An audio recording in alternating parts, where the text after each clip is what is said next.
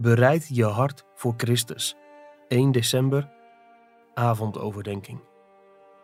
Hoe kunt u geloven, u die de eer van elkaar aanneemt en de eer van de enige God niet zoekt? Johannes 5, vers 44. God bezit en bestuurt alle dingen.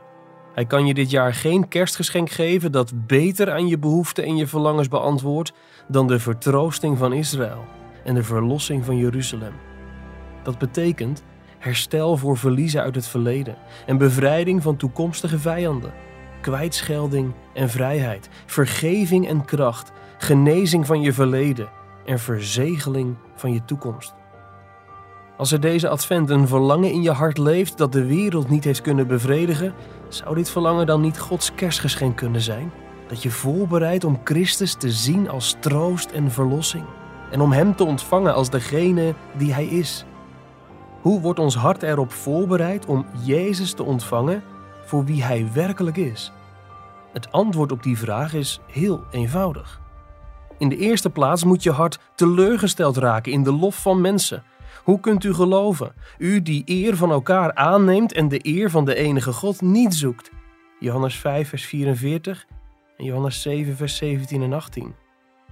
In de tweede plaats moet je hart teleurgesteld raken in het vermogen van geld en andere dingen om je ziel te verzadigen.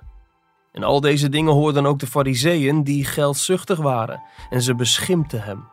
Lucas 16, vers 14. Naast deze teleurstelling in de lof van mensen en in de macht van geld, moet er in de derde plaats een verlangen in je hart komen naar een troost en verlossing die verder gaan dan wat de wereld je kan geven. Ten slotte moet er een openbaring zijn van God de Vader die de ogen van je hart opent, zodat je het uitroept, net als iemand die op een ongelofelijke schat stuit. U bent de Christus, de Zoon van de levende God, de troost van mijn verleden, de verlossing van mijn toekomst. Nu zie ik u, nu ontvang ik u, zoals u werkelijk bent. Ik hoop dat God deze advent dit doet bij jou. Ik hoop dat dit jouw cadeau en je getuigenis is en dat van velen in deze advent.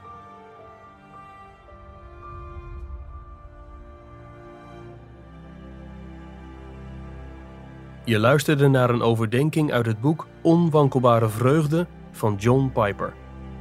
Het boek bevat 50 ochtend- en avondoverdenkingen voor Advent om je te helpen Christus centraal te stellen.